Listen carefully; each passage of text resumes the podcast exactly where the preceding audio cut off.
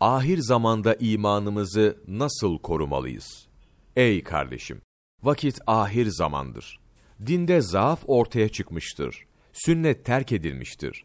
Bid'atler yayılmıştır.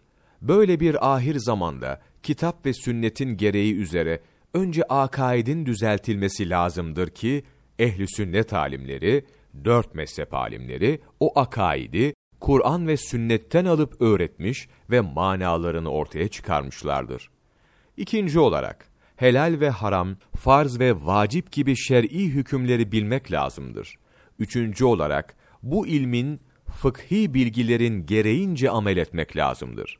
Dördüncü olarak, tasavvuftan istifade etmeye çalışmak, yani teskiye-i nefs, nefsin temizlenmesi ve tasfiye-i kalp, kalbin saflaştırılması lazımdır. Birinci şart olan itikadın düzeltilmesi olmadıkça, şer'i hükümlerle amel etmek fayda vermez. Düzgün bir inanç ve faydalı ilim olmadıkça da yapılan ameller faydasızdır. Ve bu üçü bir araya gelmedikçe, nefsin yola getirilmesi ve kalbin Allah Celle Celaluhu'nun gayrısından boşaltılması imkansızdır. Kendini hali eylemek, Allah Celle Celaluhu'ndan başkasından boşaltmak cihetine gelince, mülakattan maksut, ya ifade ya istifadedir. Bu taifenin, meşayihın önüne hali olmuş, boş olarak gelmek lazımdır ki, dolu avdet oluna ve kendi iflasını ishar eylemek gerektir ki, onlar da şefkat edip, rahı ifazayı kuşade edeler. Boş gelip boş gitmek, illet-i imtilayı, hastalığı ifade eder. İstinanın, ağır davranmanınsa, tuğyandan, günahtan gayrı kârı yoktur.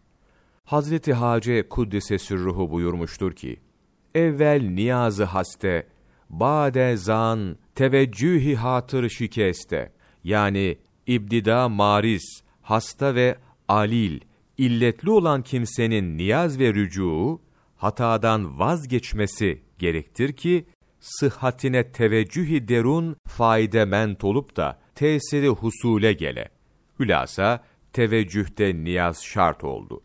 Hazreti Mahmud Sami Ramazanoğlu Kuddisesi Ruhu, Musahabe, 1. cilt, sayfa 92, 10 Mayıs Mevlana takvimi.